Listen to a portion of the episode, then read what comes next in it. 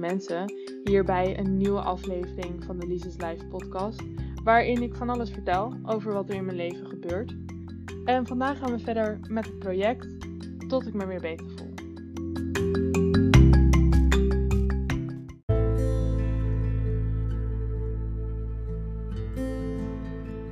Een korte extra intro. Ik heb The Reluctant Fundamentalist vandaag gelezen. Dat is uh, dus een boek. Uh, ik moet hier een trigger warning voor geven voor suïcide, manipulatie en verkrachting. Verder bespreek ik ook nog wat andere leuke dingen. Dus, het is half één s'nachts. Ik ben nog wakker en mijn dag is altijd van wakker zijn tot weer gaan slapen. S'avonds of s'nachts, zoals nu. Ik ben momenteel mijn kleding voor een deel aan het opruimen. Want ik had er een chaos van gemaakt vandaag en ik had het nog niet opgeruimd. En ik wil graag dat het opgeruimd is voordat ik ga slapen. Ik heb niet heel veel te vertellen vandaag. Ik ben voornamelijk nu moe, dus ik ga zo slapen. Ik ben hopelijk bijna klaar. Als mijn ADHD-mind niet andere klusjes nog gaat verzinnen, maar ik denk het niet.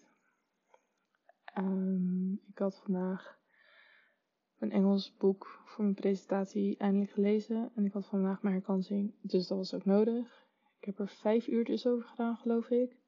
The Reluctant Fundamentalist van, even kijken hoor, Mohsin Hamid. Ik heb geen idee of ik dit goed uitspreek. Uh, ik ben echt boos om dit boek, want het heeft allemaal lof gekregen. En ik snap het niet. Um, even een trigger warning voor suïcide, verkrachting, manipulatie. Um, in het boek gaat het over Chanches. Dat is een jongen die uit Pakistan komt. In Amerika gaat studeren op Princeton. Dan een baan krijgt bij uh, iets in New York, bij een firm. Uh, als financieel analist. En um, hij heeft een vriendin en dat is Erica. En hij is er heel erg verliefd op. En hij is obsessed met haar. Maar er is ook echt een, uh, ja, een stuk waar zij geen consent geeft voor seks. Um, waar ze dus eigenlijk gewoon verkracht wordt. En uh, zo'n ander stuk waar ze zegt dat ze niet mee wil komen naar Chanches. Uh,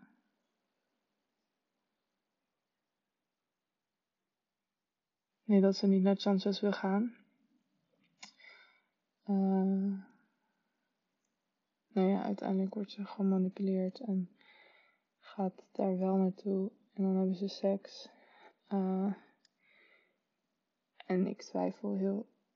Ja, dat zou nog net tussen de regels kunnen. Dat het wel legaal zou zijn en niet onder verkrachting zou vallen. Maar ik vond het nogal heftig. En Erika is. Uh, oh, kijk uit voor spoilers trouwens. Maar Erika is. Uh, mentally unstable. Dus uiteindelijk gaat ze naar een mental health institution. Omdat dat beter voor haar is. En uh, als Sanchez daar komt, dan neemt ze afscheid. En twee weken later is ze verdwenen.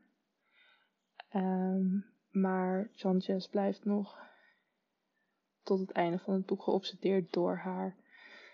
En ik vind het zo'n kut boek als je kijkt naar hoe vrouwen behandeld worden. En dit heeft toch geen eens met religie of iets te maken, maar dit is gewoon een man. Het is zo'n typische man die denkt dat hij alles kan eisen. Een soort van schuldgevoel heeft, maar eigenlijk ook niet. Ik weet niet, ik vond het heftig. En ik had een feministische vraag gekregen, dus ik ben er lekker fel op ingegaan.